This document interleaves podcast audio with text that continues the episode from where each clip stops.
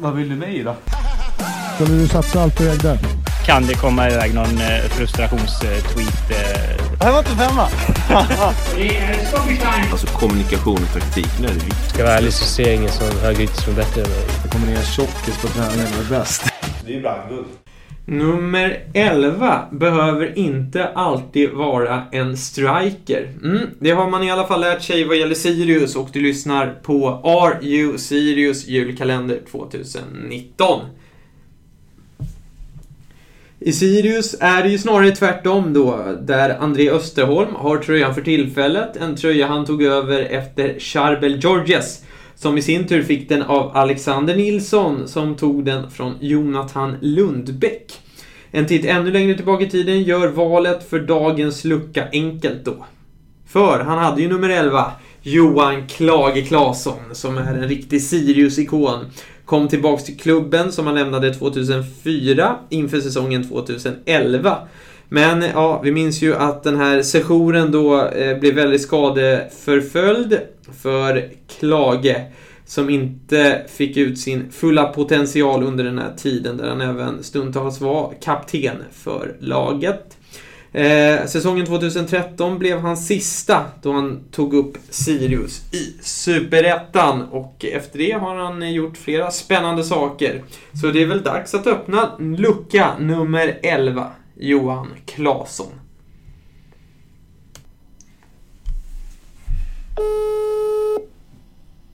Nummer 11. Hur Mm. kommer det sig att du sprang runt med det i Sirius? Det har faktiskt en, jag hade haft det egentligen hela, sen, åtminstone hela seniorkarriären i stort sett. Det har grund i att när jag var yngre så var min favoritspelare var Juan Sebastian Veron om du kommer ihåg. Ja, gamla Lazio. Ja, Exakt, Lazio Sampdoria och sen en lite mindre lyckad sejour i England sådär. Det, det talar vi inte om. Men, men framförallt under just Italien-åren, vet när man var yngre. eh, Ja, med gymnasieåldern och sådär, när man, när man verkligen var sådär fotbollsnörd på riktigt. Det, det var ju då han var som vassast också, så han var min stora förebild. Så, så då blev det 11. Annars är det inte vanligt typ, sådär, centrala fältare som har nummer 11. Det är inte det vanligaste. Så att, men han hade det, då hade man det själv också. Mm. Nummer tre i den här julkalendern var ju Linus Smedjegården. Han sa ju annars att han gärna som ytterback då ville ha elvan, men att du då stod i vägen. Fan vad skönt att höra. Jag hade dessutom blockat Linus. Det är en extra bonus faktiskt. Men hur viktigt har det liksom tröjnummer varit för dig genom karriären? Har det varit viktigt att ha elvan eller? Ja, alltså det låter skitlöjligt faktiskt. Men det har ändå varit eh, ganska, ganska viktigt. Men jag har också haft tur på något sätt att under alla... Det har liksom all, aldrig blivit en, en fight kring det. Utan först när jag kom upp i Sirius, ja, när man var riktigt ung, då, då var det en...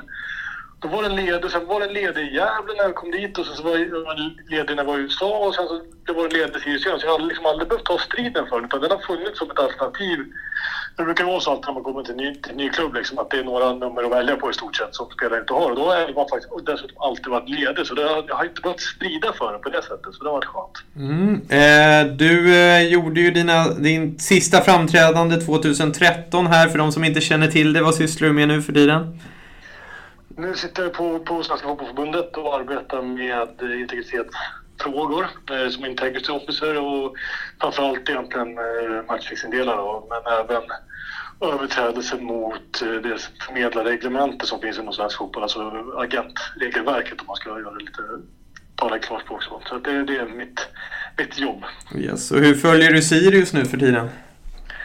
Ja, alltid resultatmässigt klart att försöka koll och sådär. På plats har det blivit sämre för att det är, det är svårt att, att få till mig. mer jobb. Man tittar på så mycket fotboll sådär ändå. Och dessutom nu i den rollen jag har så måste man också ha en viss, viss liksom, distans tyvärr till det hela. Liksom. Så att det, det, det, blir, ju- det blir ju så. Det följer ut av arbetsuppgifterna lite. Men jag håller alltid stenkoll på, på resultatbörsen i alla fall och målservice på text-tv och sånt. Alternativspelare. Mm, men nya Studan har du inte besökt då om jag tolkar det rätt? Jo, faktiskt. Det två matcher kunde jag säga i år i alla fall. Så det var...